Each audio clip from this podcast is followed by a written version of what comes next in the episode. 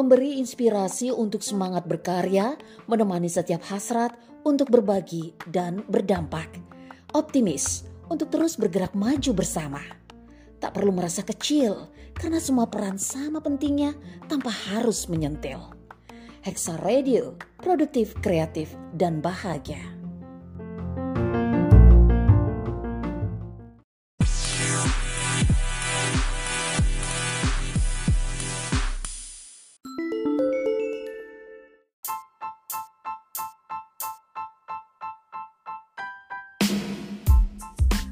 Assalamualaikum warahmatullahi wabarakatuh. Hai sahabat Hexa Radio Kembali lagi di acara Ngosasi Ngobrol sana sini Bersama Zahra Umi Apa kabar sahabat Hexa? Sudah siap dong untuk dengerin kita selama 30 menit ke depan Dengan obrolan yang menarik.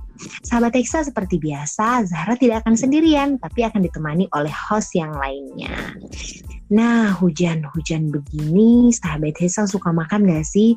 Atau suka jajan nih? Nah, kalau jajannya sukanya makanan yang gimana nih?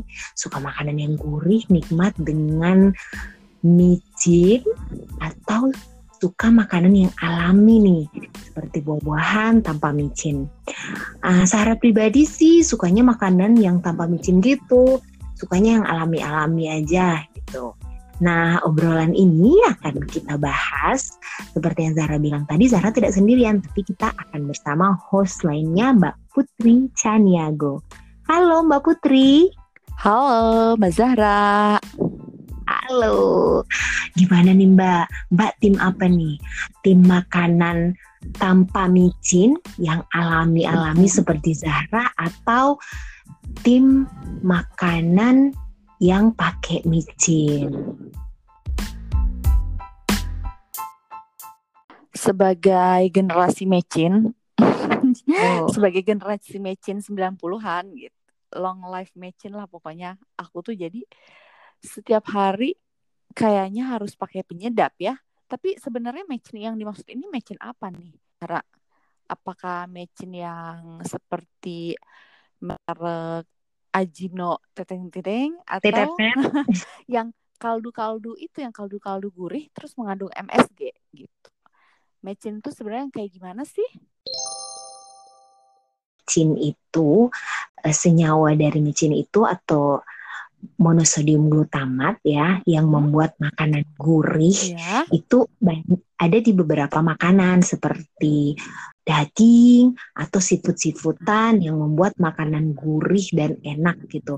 Di beberapa makanan jajanan makanan itu tidak menggunakan komposisi alami dari makanan yang gurih itu ya. Faktor harga juga atau uh, kepraktisan dan lain sebagainya. Nah, hmm. sehingga dibuatlah perasa atau micin dari oh, monosodium gitu ya. hmm. sintetis gitu gitu yang ditambahkan di makanan-makanan jajanan. Nah, sama dengan sebungkus Kalo sebagai gitu ya. perasa. Nah, itu dia. Itu kan e, tidak murni semua ekstrak dari ayam atau dari daging. Ada tambahan sintetik dari uh, monosodium glutamat walaupun ya memang secara tujuan pastinya sama ya untuk membuat makanan lebih gurih dan lebih enak.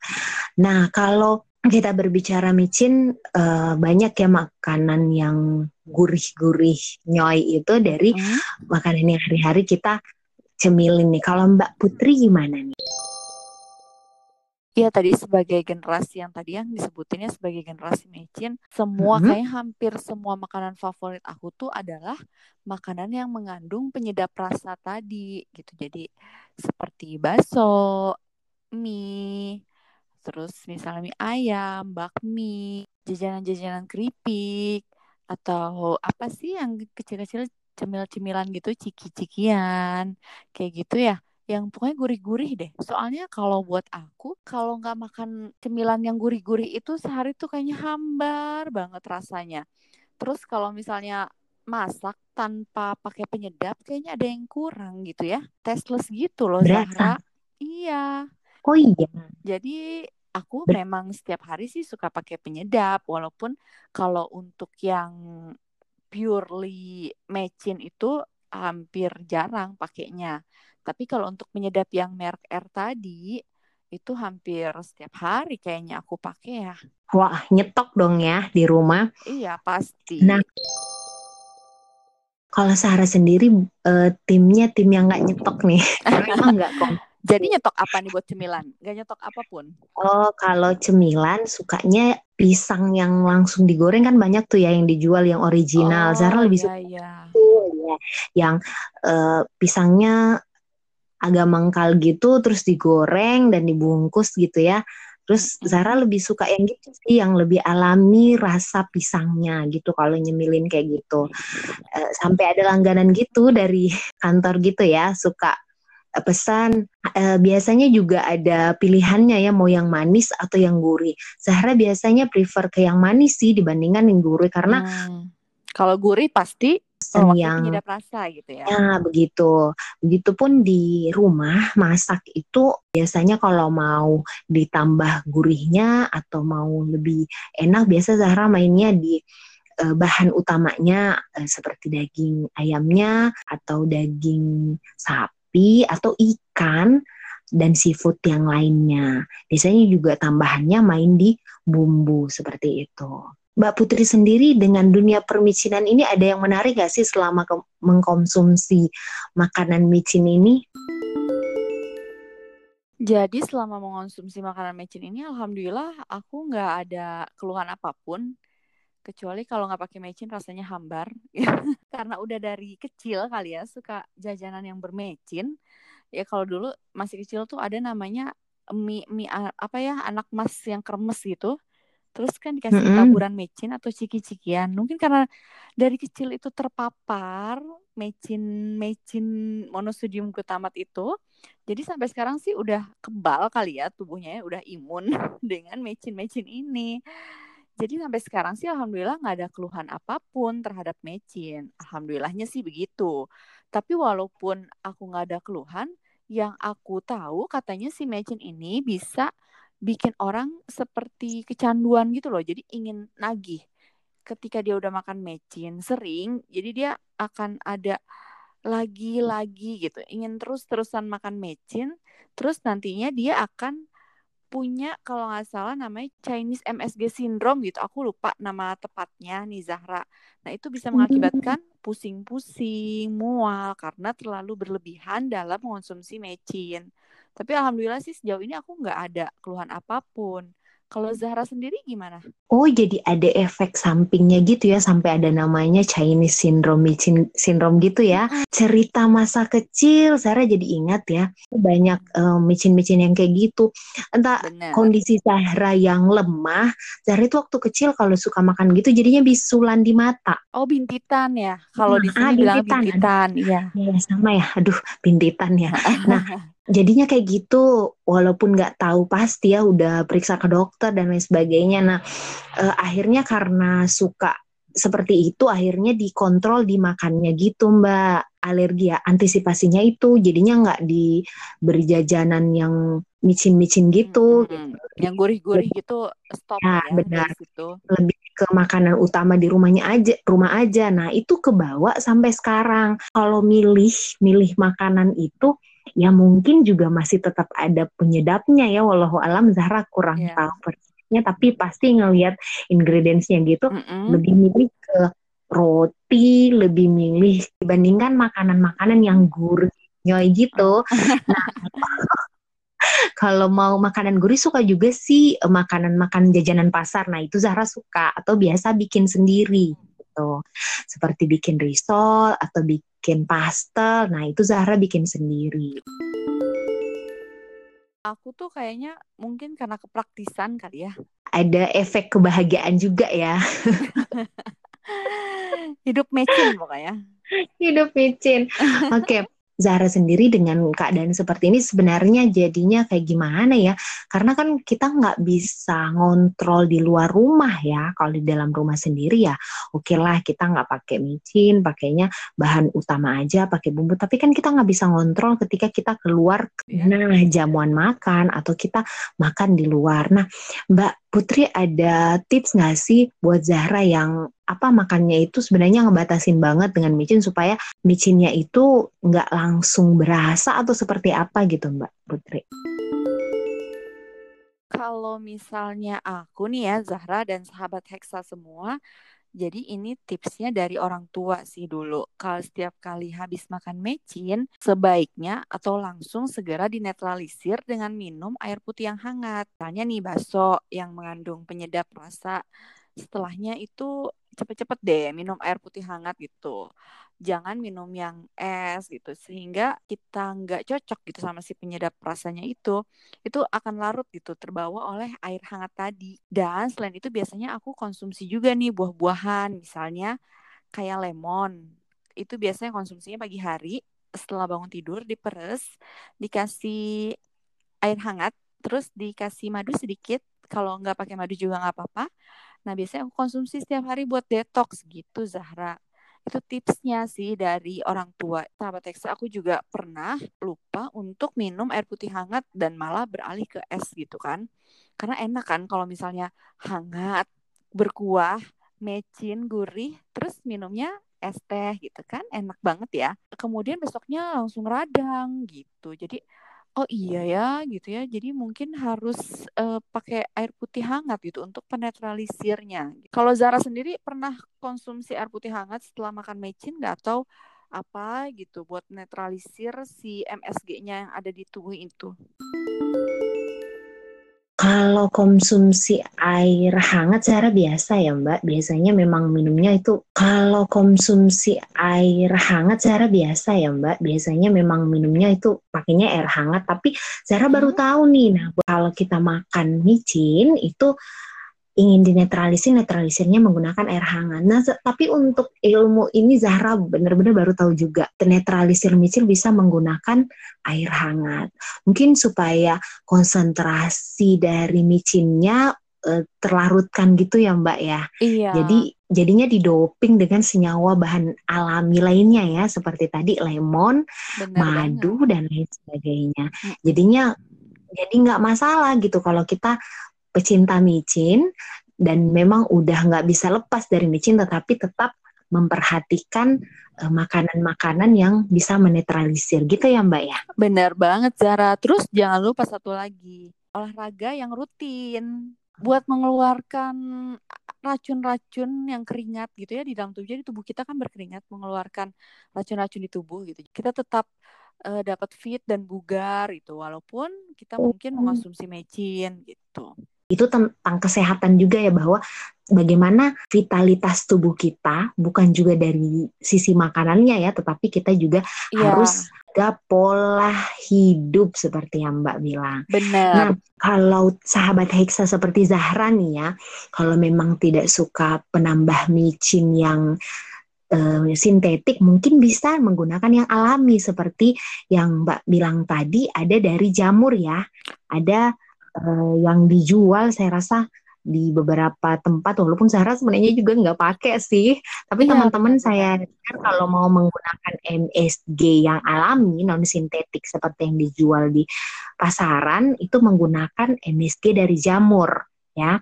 Karena memang jamur ada uh, perasa dan pegurihnya juga, tapi otomatis dari segi harga itu akan berbeda ya, karena ini dari bahan alami. Sahabat Hexa, kita juga akan mendengarkan bagaimana sudut pandang dari kesehatan nih terkait uh, micin ini berpengaruh atau mungkin uh, bagaimana micin ini sebenarnya di sisi kesehatannya. Pak Putri, kita akan mendengarkan ya sahabat Hexa yang juga uh, mahasiswa dari Bunda Produktif di Hexagon City. Yuk kita dengarkan bersama. Yuk, mari.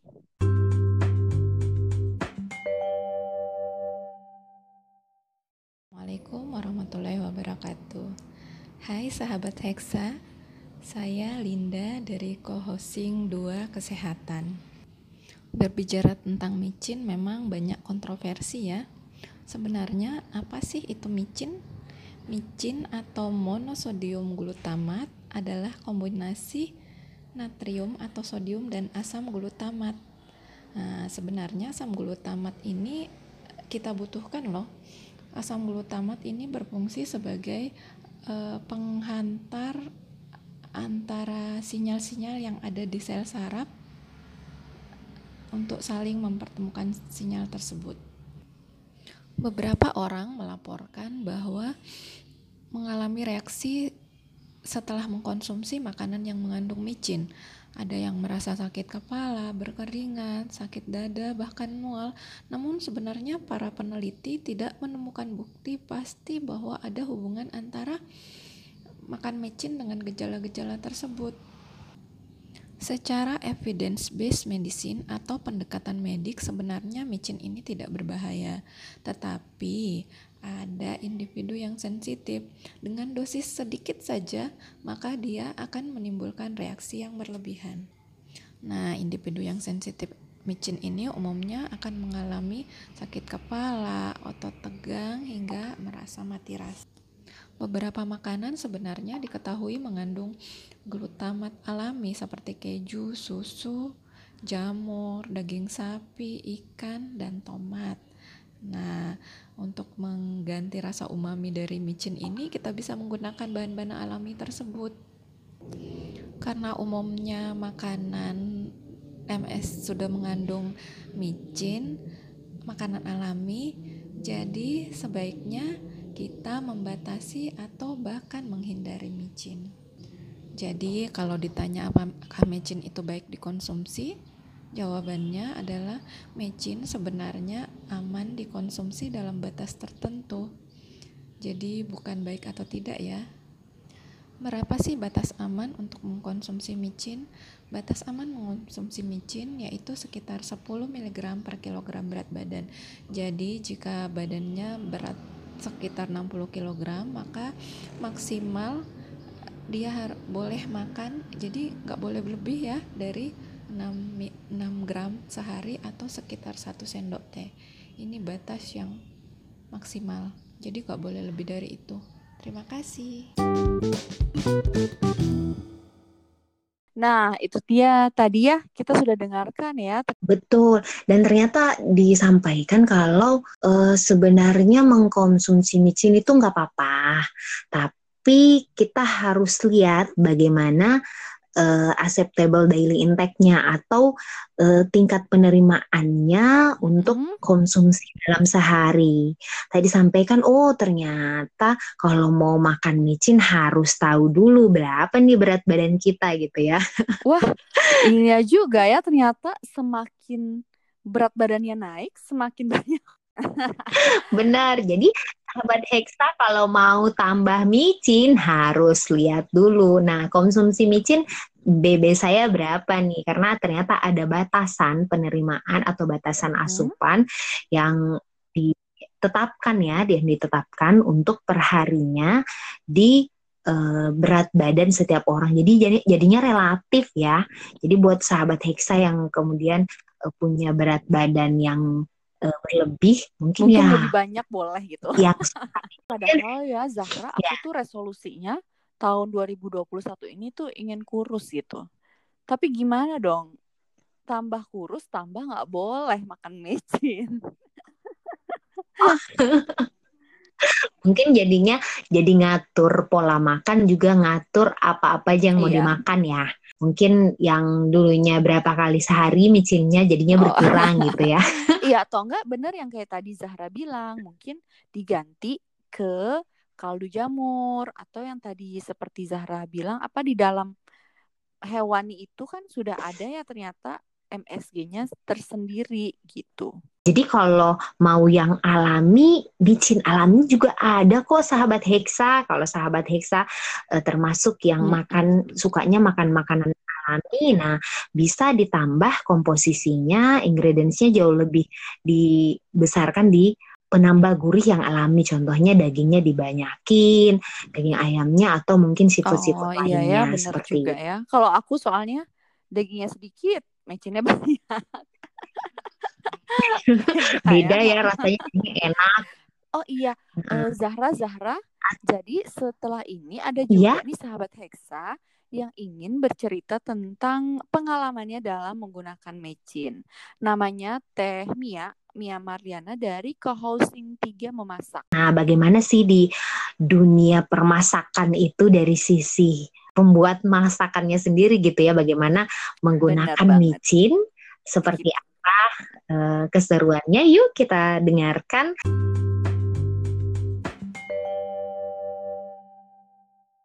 Bismillahirrahmanirrahim. Perkenalkan, nama saya Mia Marliana dari Co-Hosting 3 Memasak. Saat memasak, saya suka menggunakan micin, tapi tidak eh, penggunaannya tidak terlalu banyak, eh, hanya sebagai syarat saja. Eh, saya lebih menggunakan perpaduan garam dan gula untuk eh, apa ya memberikan cita rasa masakan. Terus eh, sampai saat ini alhamdulillah tidak ada dampak belum ada ya. Belum ada dampak apa pun dari penggunaan micin yang saya gunakan. Uh, tapi insya Allah saya lagi berusaha untuk tidak ber, menghilangkan ketergantungan terhadap micin, baru niat dan belum uh, berusaha dengan kuat. Nah, itu tadi kan pendapat dari Teh Mia Zahra. Jadi Teh Mia juga suka menggunakan mecin, tapi yang bukan sama sih, hampir sama seperti aku ya, bukan yang uh, pure dari MSG tapi lebih kepada penyedap kaldu-kaldu itu gitu katanya. Uh, penyebab kaldu itu mungkin karena itu juga gampang ya diperoleh di Tapi juga tadi kan Temia juga katanya mau ganti ya beralih ke kaldu lain seperti jamur. Pengen coba nih kayaknya gimana ya rasanya masakan tanpa mecin udah biasa menggunakan micin mau berubah gitu atau mau mengganti. Uh, sarannya sih jangan langsung aja Mbak, takutnya langsung seleranya makannya langsung hilang. Tapi bagus juga sih kalau resolusinya menjadi lebih uh, slim. nah, mungkin bagi teman-teman yang suka banget dengan makanan yang micin ingin berubah pelan-pelan aja gitu. Atau perasanya nggak oh, kaget oh, iya gitu ya? kan? Nggak kaget Jadi langsung. nggak langsung ya, tapi pelan-pelan nggak langsung besar gitu ya perubahannya tapi bertahap. Iya, mungkin ya, tadinya misalnya nah, uh, 100 mg gitu jadi 50 mg gitu ya. 100 mg itu sendok sendok makan ya. Aku oh, punya iya. bayi kan. Kalau bayi kan yang masih empasi nggak mungkin dikasih penyedap-penyedap seperti itu ya, yang sintetis. Gula garam aja enggak gitu. Hmm. Jadi kalau bayi sih enggak, iya. Oh, gitu Jadi ya. makanan itu dipisah antara yang dewasa hmm. sama yang masih anak-anak atau bocah-bocah ini nih mereka benar-benar belum diberikan perasa ya Mbak. Itu kapan Mbak rencananya kalau mau umpamanya memberikan perasa baik itu alami tidak itu kapan kira-kira Mbak? Mungkin Ustin? nanti setelah uh, dua tahun ke atas ya baru mungkin akan kasih kaldu jamur hmm. gitu yang aman dulu dan mungkin lambat laun seiring dengan dia sekolah mungkin ya kan pasti dari teman-temannya ada yang bawa cemilan atau misalnya kumpul sama saudara-saudara atau sepupu-sepupunya gitu kan ada yang bawa ciki, snack-snack lain, pasti kan ada yang makanan bermecin dan itu nggak bisa kita hindari kan gitu. Bener banget di zaman sekarang semua makanan ciki-cikian hmm. itu hampir komposisinya pasti. pasti ada ya. Itu juga sih seperti Zahra jangan sampai seperti Zahra mungkin karena memang jarang akhirnya tingkat apa? Tingkat kekebalan mecin ya? Sensitivitasnya jadi tinggi. Ah kekebalan mecinnya berkurang. jadinya benar. Nah itu dia PKM-nya tingkat ke apa TKM ya? Tingkat kekebalan mecinnya jadinya kurang. Makan sedikit eh sakit tenggorokannya dan lain sebagainya. Padahal seperti disampaikan dokter tadi belum belum tentu ya. Tapi memang daya tahan tubuh Zahra yang kemudian kurang. Tapi eh, sahabat Hexa mungkin bukan cuma micin ya, tetapi mungkin bahan alami lainnya juga kalau berlebihan diberikan variasi. Itu bahan alami loh, seperti makanan. Kalaupun kita suka kol nih, jangan makan kol kol dalam waktu waktu sepekan tanpa uh, variasi yang lainnya. Bagusnya diganti-ganti. Itu yang alami, apalagi yang sintetis hmm. gitu. Jadi uh, mungkin kita bisa konsumsi, tapi ingat untuk tidak berlebihan. Benar nggak sih, Mbak? banget. Tapi aku penasaran nih, Zahra, kalau kita harus ganti-ganti makanan, membuat variasi gitu ya. Aku tuh yeah. kalau nasi gimana ya? Aku kan setiap hari makan nasi, Zahra. sama sih karena orang Indonesia kan nggak kenyang kalau nggak makan nasi.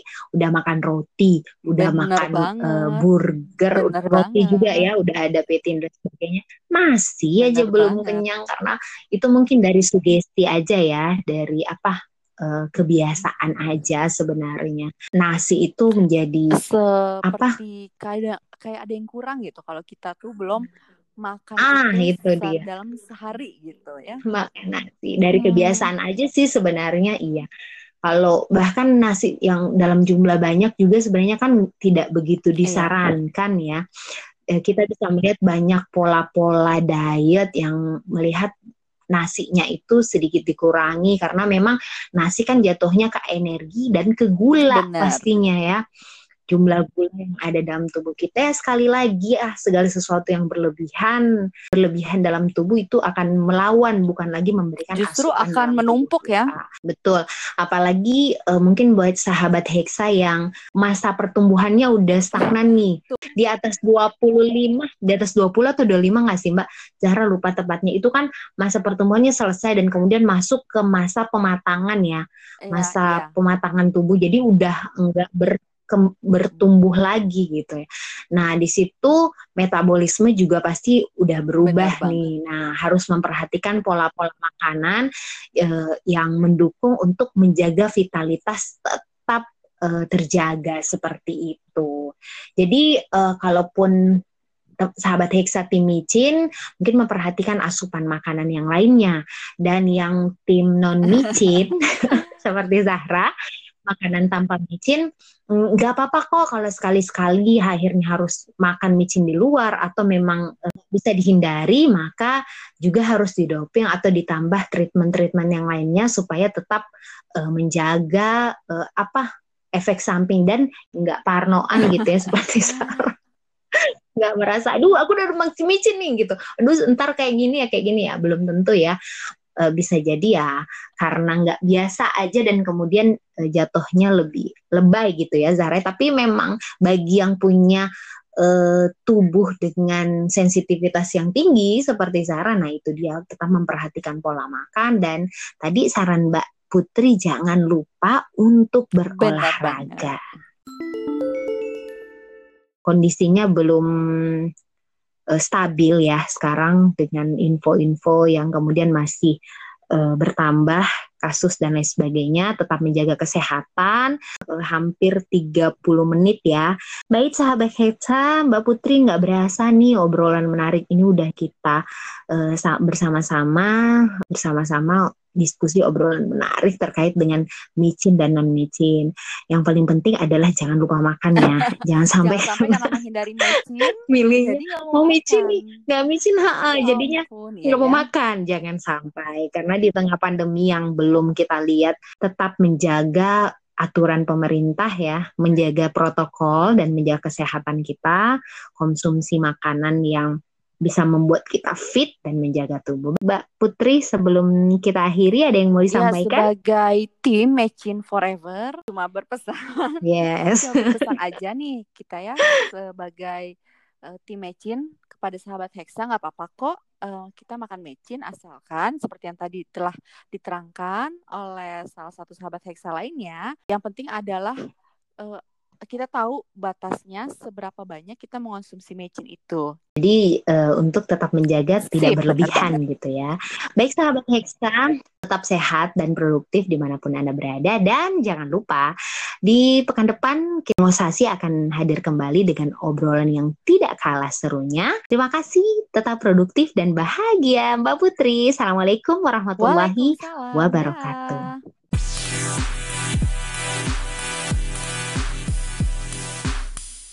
Terima kasih sahabat Hexa telah mengikuti episode kali ini. Tetap stay tune hanya di Hexa Radio.